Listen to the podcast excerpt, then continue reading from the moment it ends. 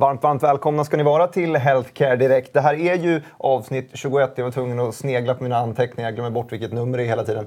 Det här avsnittet det kan ju faktiskt eh, tituleras Alligator Bioscience för det är Per Norlén, VD för det, just det bolaget, är här med oss idag och ska hjälpa oss att reda ut lite, lite saker om, om det bolaget. Kan yes. du inte börja med att ge en introduktion till vem du är? Absolut. Jag är som sagt VD för Alligator och eh, min bakgrund, jag är läkare i botten, klinisk farmakolog, så specialistutbildad i klinisk farmakologi, vilket är läkemedelsexpertis kan man säga.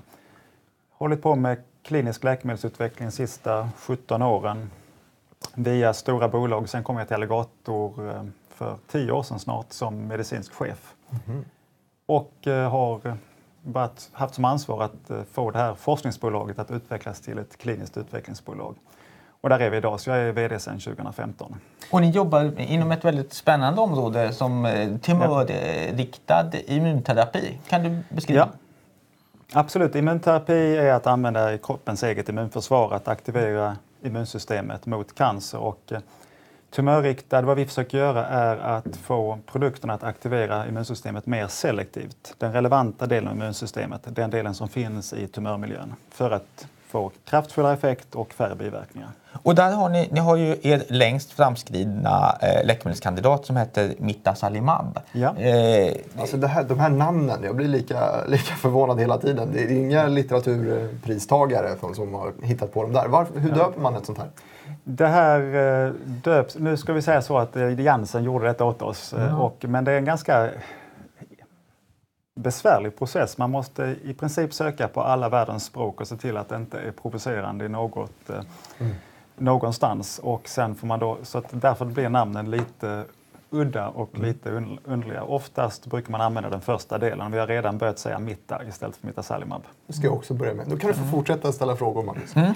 Uh, jag tänkte säga, den är ju uh, längst framskriden hos er. Och ja, ni förbereder ju er inför fas 2-studier.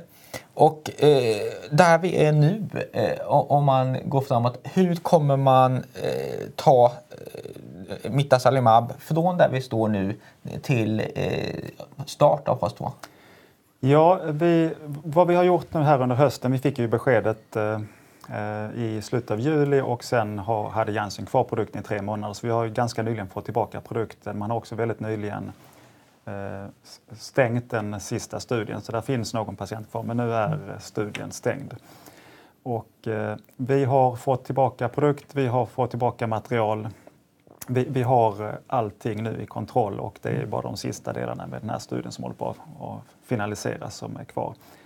Eh, så vad vi gör är att eh, börja förbereda för nästa studie och konkret så behöver vi ett par saker. Dels behöver vi ta fram ett protokoll för studien och sen behöver vi sannolikt då kombinera med någonting. Vår plan är, vi tittar på ett par olika saker. Om vi går tillbaka ett steg så mm. Mitazalimab 1013 som den hette tidigare, mm. det är en CD40-antikropp och vad den gör är förbättra antigenpresentation, alltså immunsystemets sätt att visa vad på tumören man ska angripa. Mm.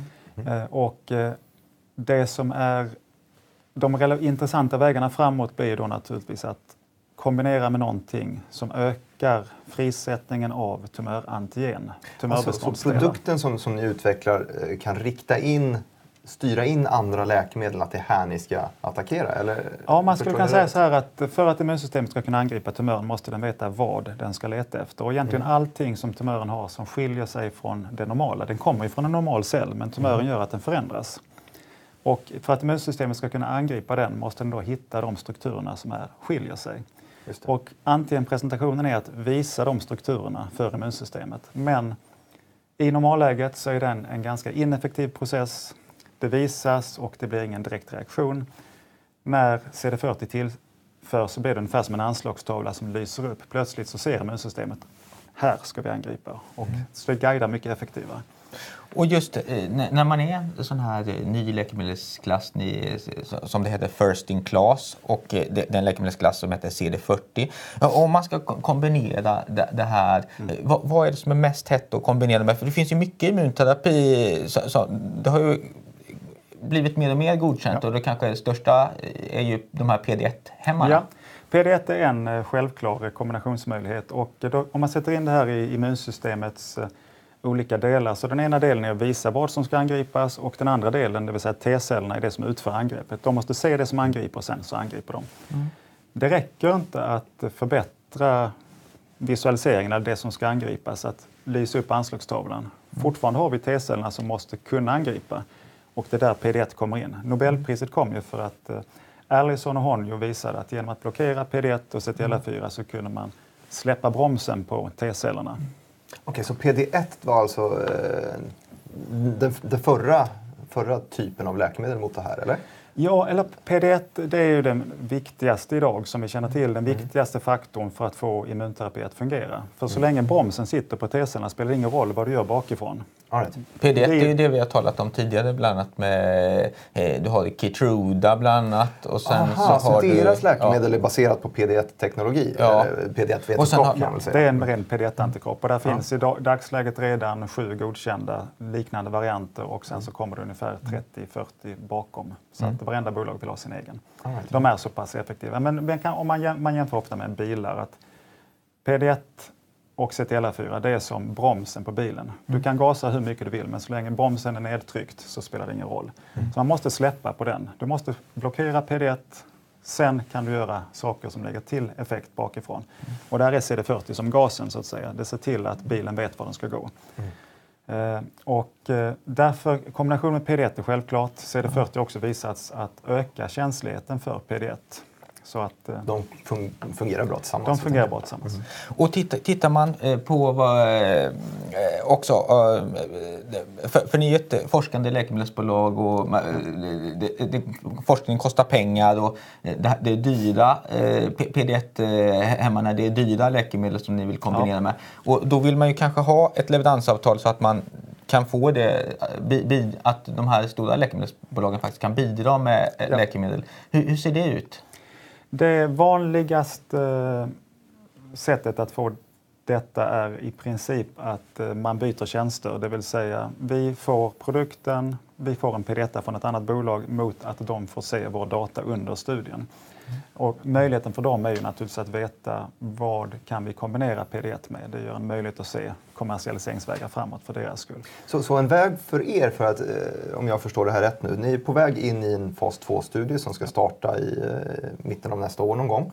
Eh, och då ska ni alltså kontakta något läkemedel som har en PD1-produkt, typ Keytruda kanske, Eh, och eh, få låna lite av deras läkemedel eller kanske få rabatt på det eller hur det nu funkar för att kunna genomföra studien och sen så då bilda något form av samarbete med dem? Eller, eh, ja, och det behöver inte bli mycket mer samarbete än just det att man har tillgång till mm. varandras tjänster. Mm. Sen kommer ju en visar det sig att det är en bra kombination så kommer det givetvis förhandlingar om... Då har de ju en säga, första möjligheten att se datan så det är klart att de har en, fördel där. Vilka pratar ni med idag då? Vi pratar faktiskt med samtliga bolag som har de här produkterna och eh, vad vi är intresserade av är att de har kommit så pass långt att det finns en etablerad säker dos så att inte det är ett problem i sammanhanget. Så det är de godkända eller de under senfas 3 som vi är mest intresserade av. Mm. När måste ett leveransavtal vara på plats för att man inte ska eh, stoppa utvecklingen? För ni vill dra igång studien under det andra halvåret 2020? Ja, vi behöver ha det på plats ungefär eh, runt sommaren. Vi kommer att, eh, målet här är att skicka in en ansökan i höst för att starta studien och komma igång under sen höst med studien. Så att, inom 6-8 månader behöver vi ha ett sådant avtal på plats. Och eh, när man tittar på eh, en sån här fas 2-studie, vilka cancerformer är mest aktuella? Ja, då är det så med CD40 att i praktiken som immunterapi, det kan gå mot vilken cancer som helst och normalt sett har man ju tittat på tumörformer där, som skiljer sig mycket från det normala, där immunsystemet blir väldigt irriterat. Mm. Eh, man kallar det immunogena tumörer och det, melanom har varit den klassiska, det var där genombrottet kom. Nu har det visat sig då att CD40 har möjligheten också att faktiskt få respons i icke-immunogena tumörer, kalla tumörer som man kallar det. Mm. Och ett skäl är att det ökar uttryck av faktorer som gör att PD1 börjar fungera och eh, det förändrar miljön till en mer immunogen miljö. Eh, och det senaste som kom här i våras var en av våra konkurrenter. Deras CD40-produkt de har en lik, väldigt, väldigt lik antikropp som är något före vår. Och de visade i en kombinationsstudie med just PD1 i pankreascancer som är urtypen av Bukspottkörtelcancer ska vi säga. bukspottkörtelcancer, som är urtypen av en kall tumör. Att de hade en förbluffande hög eh, svarsfrekvens. Det, det som är intressant tycker jag med denna eh, can- cancerform är ju att den är väldigt hög dödlighet på den. Ja. Och eh, sen, sen kanske det inte är lika många patienter om man tittar mot de stora som lungcancer och så. Men, men att det är en väldigt begränsad population. Och då kan ni komma snabbare fram såklart. Ja, det som är när det gäller bukspottkörtelcancer så dels ska man säga att det är en väldigt stor eh, indikation om man ser utifrån hur många som dör. Mm. Det är precis då att nästan samtliga avlider. Mm. Och eh, den, eh, man kan komma framåt helt enkelt därför att det inte finns någon fungerande behandling idag. Det finns kemoterapi, cytostatika förlåt, som Mm. då ger en initial effekt, lite tumörpåverkan men ganska snabbt så återkommer tumörerna och så dör patienten i alla fall. Mm. Så det, Men vet, ni, du, du har till och med varit ute och sagt en, om, om allt går vägen och, och, så, så är det här den snabbaste vägen fram till marknad. Jag vet Ja. det fanns ett år, 2026 har jag för mig. Ja, det kan man absolut tänka sig. Och eh, vad vi ser här är att kan man upprepa data som eh, vår konkurrent har visat med CD40 så är det egentligen direkt att gå igång med eh, randomiserade studier och eh, Jag förstår registreringsgrundande inte studier. riktigt varför, varför bukspottkörtelcancer är, är den snabbaste vägen. Jag förstår att den är, den är mer dödlig. Är det att man kan få signifikanta resultat på, på en mindre testgrupp? Eller jag ska resonerar säga, det ena faktorn är att ett resultat är så avgörande. Ser man en effekt på överlevnad så är det så pass eh, stort genombrott att det blir en fast track omedelbart. Och den andra är att det inte finns någon behandling alls. Så att, eh, när man säger marknadspenetrans så får man en omedelbar försäljning. I, I stort sett alla andra indikationer finns det godkända PD1 och andra varianter som man kommer in som andra, tredje linjens behandling och då blir det mycket, mycket långsammare upptag. Och myndigheterna brukar ju vara väldigt välvilligt inställda när det finns få behandlingsalternativ. Ja, precis. Mm. Om man tittar på en eh, fas 2-studie och när det gäller primära och sekundära effektmått. Eh, ofta tittar man på överlevnad kanske i form av medianöverlevnad, generell överlevnad. Eh, vad, vad, vad tror du ni kommer att använda? Det här kommer med all säkerhet gå i ett par steg. Givetvis tittar man på överlevnad direkt men det man ser först och det som också vår konkurrent har tittat på är ju så kallad response rate och då tittar man helt enkelt på effekt på tumörtillväxt. Kan man bromsa tumörtillväxten eller till och med minska tumörbördan så är det en så kallad respons. Eh, Det är inte sagt att det har påverkar den långsiktiga överlevnaden men det är en väldigt god signal.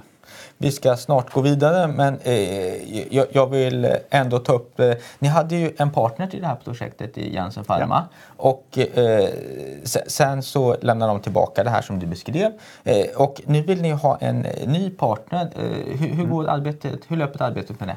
Vi har kontaktat många bolag och har diskussioner pågående och målet här är att hitta någon som kan stötta och hjälpa Alligator och till och med ta över produkten för utvecklingen.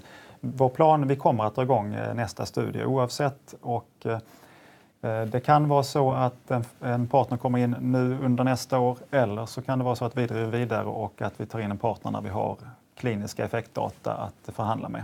Men eh, till fas 3 i alla fall, så, så stora studier kan inte ni göra själva? Eh, eh, normalt sett inte.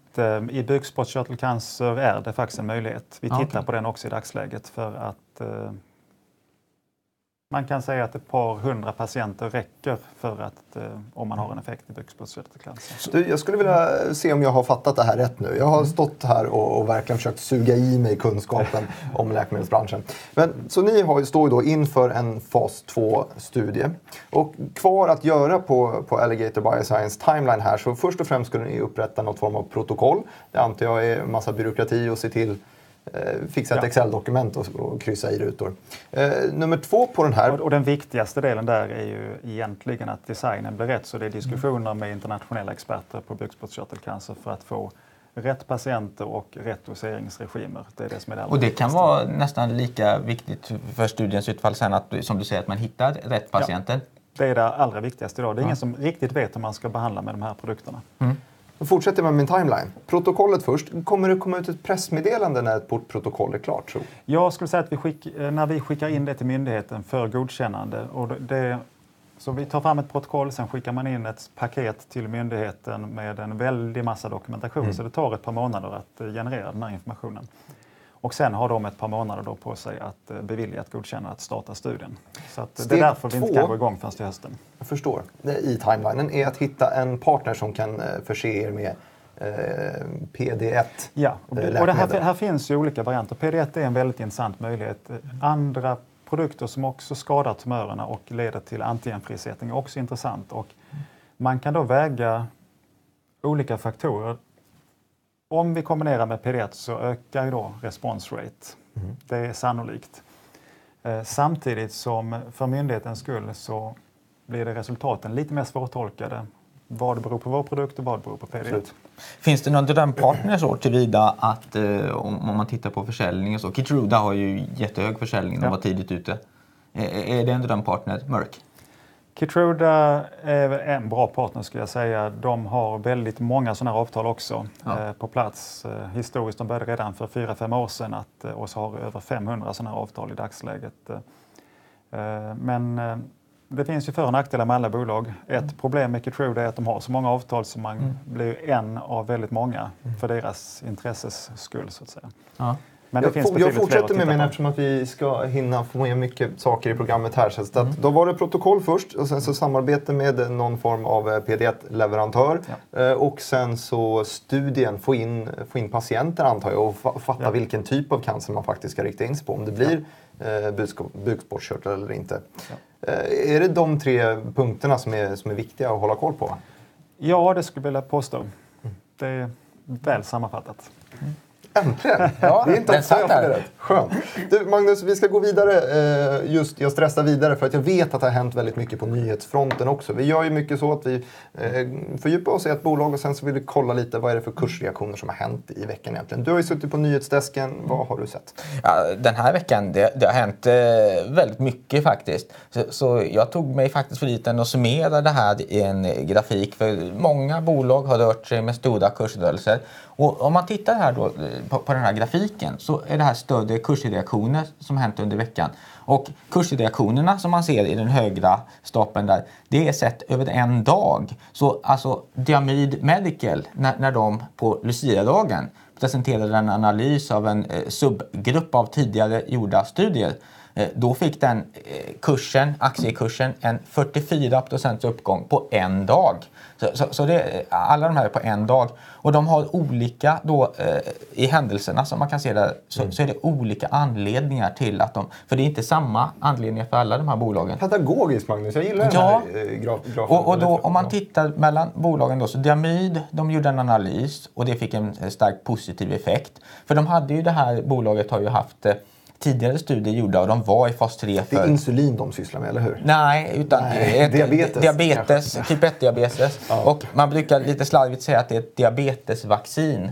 Okay. Eh, och eh, det, det, hade de en motgång på, eh, om jag kommer ihåg rätt, så var det väl 2011 eh, som de inte nådde eh, de resultat som man hade förväntat sig. Mm. Men nu har man då gjort en analys där man har hittat en delgrupp av, så att säga, en delgrupp av de patienter som var med i totalen som skulle kunna vara int intressanta. Mm. Och jag tog mig faktiskt friheten att ta hit Mycket friheter. Ja, härligt. Ja. Ska, ska, vi lyssna på det då, när du pratade med Ulf Hanelius på, det tycker jag. på Diamid Medical? Hur många patienter ingick i den undergrupp som ni gjorde i den analys ni presenterade? 25 procent av alla patienter som ingick i analysen är då den undergrupp var vi ser allra bästa effekt av diamyd. Så hade vi även en bredare grupp, 50 procent av alla patienterna, var vi också såg en signifikant effekt av diamyd. Och om man tittar på marknaden, hur, hur många patienter talar vi om då? Då är det ungefär då från 25 till 50 procent av alla typ 1-diabetiker. Kanske lite mindre givet att vi nu går in i GAD, antikroppspositiva patienter, men det, det är en stor grupp patienter. Eh, och eh, utifrån de här resultaten som ni har påvisat nu, hur vill ni gå vidare med det här? Det allra viktigaste är att hur vi tar det i beaktande i de pågående studierna, hur vi sätter in det i våra analysplaner så att vi verkligen lyfter upp de här subgrupperna och ser till att vi analyserar dem även i de pågående studierna. Det är det viktigaste och parallellt även då se hur vi påverkar vår regulatoriska strategi. Och eh, kommer ni att genomföra några ytterligare studier som ni kommer påbörja eh, med anledning av eh, de, de här upptäckterna? Just nu är det fullt fokus på de pågående studierna, det vill säga framförallt Diagnod 2, då vår fas 2b-studie som kommer med resultat nästa år i tredje kvartalet.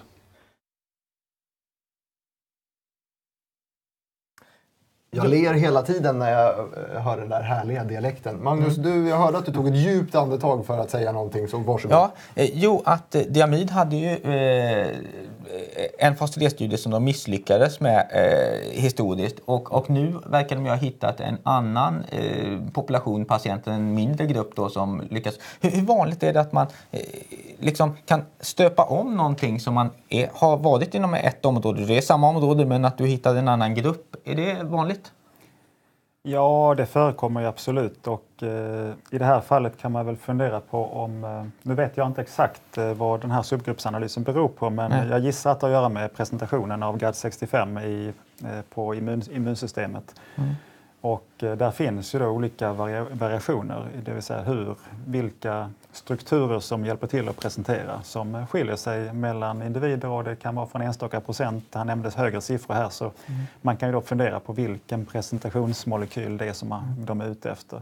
Men det är sannolikt det det har att göra med att i vissa presentationsmolekyler liknar komplexet de virus som sen gör att virusinfektionen är det som leder till att man får autoimmuna reaktioner. Och när vir, ett externt virus då liknar den egna strukturen så förvirras immunsystemet och går fel. Men om man säger eh, eh från myndighetens sida sett så om man nu har hittat någonting inom en subpopulation så kommer de väl troligen inte nöja sig med tidigare studier som de har gjort analys av utan då vill väl de se mer? Då får man ju med all säkerhet konfirmera detta i en ny studie så att det inte har en, en slumpfaktor inblandad förstås. Mm. Nej, det, det, det här, jag tycker det här är spännande. Ja, det tyckte aktieägarna uppenbarligen också, 44 procent mm. på en och samma dag. Ja. Jag tycker vi kastar upp den grafiken ja. igen, för jag såg nummer två på den här listan, mm. Hansa Biofarma. Ska jag göra ett försök? Ja, då gör jag det. Eh, Hansa Biofarma, ni ser under händelse att det står försening. Mm. Visst har det med eh, FDA som krävde ytterligare studier? Du har helt rätt. Vet, den sitter. Vad härligt. Den ja. sitter också. Ja. Minus 39 procent svarade aktiekursen. Ja. Magnus, och kan då, du snabbt säga bara vad Hansa Biofarma gör så att jag inte ger bort mig där? Eh, jo, alltså de jobbar ju inom eh, transplantationsområdet. Om, om, man vill ju ta ner eh, högsensitiserade patienter, alltså antikroppar som man har inför en transplantation. Du vill alltså trycka ner antikropparna, mm. göra ett fönster när du kan transplantera organ, sen transplantera och eh, då göra det möjligt att transplantera patienter som annars inte hade varit möjliga att transplantera. Mm. Och, och, när man, myndigheten nu då säger att vi vill ha en säkerhetsstudie på njudar, eh, när de tittar på en biomarkör på njudar. Ja, då måste de göra den här studien och då får de en försening på cirka två till tre år. Och då, två till tre år från ursprungsplanen? Ja, ja det, det svider, eller hur Per? Ja, med sam- läkemedelsutveckling är det vanligt med utmaningar. Så att man har ju ett best case-scenario, sen händer det mycket på vägen. Så mm. att, eh, det här är, händer. På aktiekursen vill jag också poängtera eh, när, när, vi talar om den. För vi, vi, vi sa att det är ja, nästan 40 procent på en dag nu. Va? Och, och tittar man på kurstoppen som vi hade sommaren 2018, då, då är det nästan 80 procent. Så eh, de har varit uppe och pikat och eh, nu är de nere i en dal skulle man kunna säga.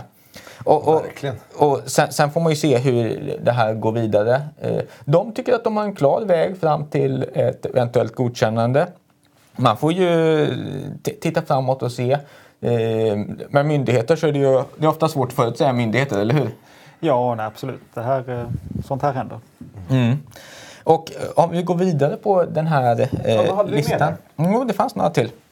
Att, eh, då, då, hade vi, vi, nu har vi pratat om försening och, och, då har vi Vint Research. Där har du risk för en försening.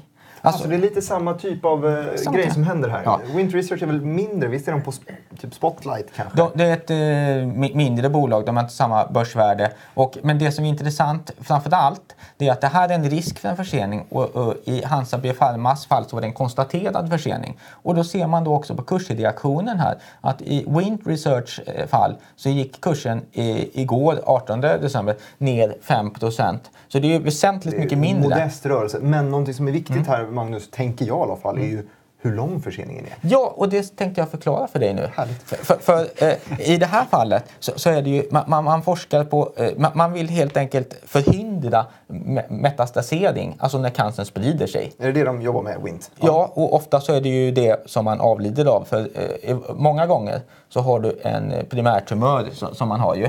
Och sen när, när det sprider sig, det är oftast det som man avlider av sen. Ja, ja, annars hade man opererat bort primärtumören. Så att, eh, Ja. absolut. Ja. Och, och ju- just i, i eh, deras fall här nu då så har de en studie i explorativ fas 2-studie som pågår, i, som de ska driva igång i eh, Spanien där de har börjat. Där har rekryteringen, alltså de rekryterar ju patienter till studien, den har inte tagit fart lika snabbt som man har velat. Så, så, så då tar det ju, det är ju inte en försening. Riktar de sig då mot vä- väldigt specifik grupp, till exempel bukspottkörtelcancer? Nej, de riktar sig mot tjocktarmcancer. Okej. Men att eh, den här typen av eh, pa- patienter, när de, har, de har börjat rekrytera men de har inte liksom fått in patienter i den takt som man tänkte. Men det är väl skönt på något sätt att eh, Mm. färre människor har blivit sjuka i tjocktarmscancer än vad man hade förväntat sig. Ja, de behöver ju dock pa patienter till studien. Men, men o- om, man, om man ser det som så då att den typen av försening som de har, den är ju kanske inte lika allvarlig eller lika signifikant. Nej. Eftersom att du rekryterar några studier, ja visst det kanske tar några månader till. Men säg nu då att aha, tjoff det tar två eller tre extra månader. Om man var tråkigt, det, det är Då kan inte man två, ganska tre år. Mhm. snabbt som aktieägare räkna på ja, men hur mycket extra lönekostnader har de och hyror och så vidare som bara kommer löpa på Pl- när de står still här. Plus att du har ju eh, eh, en, den ungerska delen av studien där du gjorde, där sa ju eh, ungerska myndigheten att ja, nu, för, för, för så funkar det när man gör studier att man får ju gå till varje land och så får man säga nu vill vi ha klartecken för att Det börja håller på att slås ihop inom Europa, men visst. Ja. Och, och de har gått till Ungern och att eh, i det här fallet så sa myndigheterna i Ungern att ja, vi vill ha kompletteringar, gör om er ansökan. Och, och och det, det tar lite längre tid. Men skillnaden gentemot Hansas fall var ju att där var det ju amerikanska FDA, de sa gör en ny studie. Inte att, ja. Så det, det Vi ska två, inte fastna i Wind. Nej. Eh, Var det något mer som Ja. är roligt att ta upp? Två till tycker Två jag, till. Korta. Eh, med, med, Devige som man såg eh, på, på den här grafiken. De, de hade ju en större nedgång då.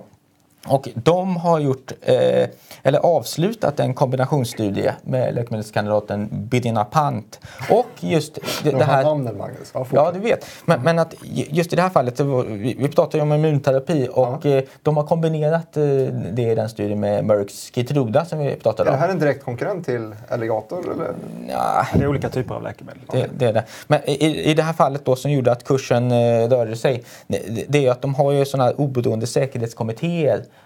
och i det här fallet så har den här säkerhetskommittén då gett en rekommendation att nej, eh, det är inte troligt att studiens målsättning kommer att kunna uppnås. Eh, då rekommend- rekommenderar vi er och eh, avsluta studien. Och det är vad de har gjort och då får man en kursreaktion. Men Vad var kursreaktionen på ungefär? Det Ja, vi får ta upp här. Och, och då ser vi att den var 36 procent, så det är betydande. Slaktad hårt. Ja, och det här är ju också ett bolag med vi, de är ju inte lika... eh, bö- Börsvärdet är ju inte jättestort så som det en gång var. eh, Utan de är ju mycket, mycket mindre än när de var stora. Men vi ska inte fördjupa oss på varför. Nej, Magnus, nu får du äh, agera, rappa som Eminem på den Ja. sista som är Irlab. Vad hände? Och där vill jag då bara framhålla att de ska ju ta in eh, kap- nytt kapital.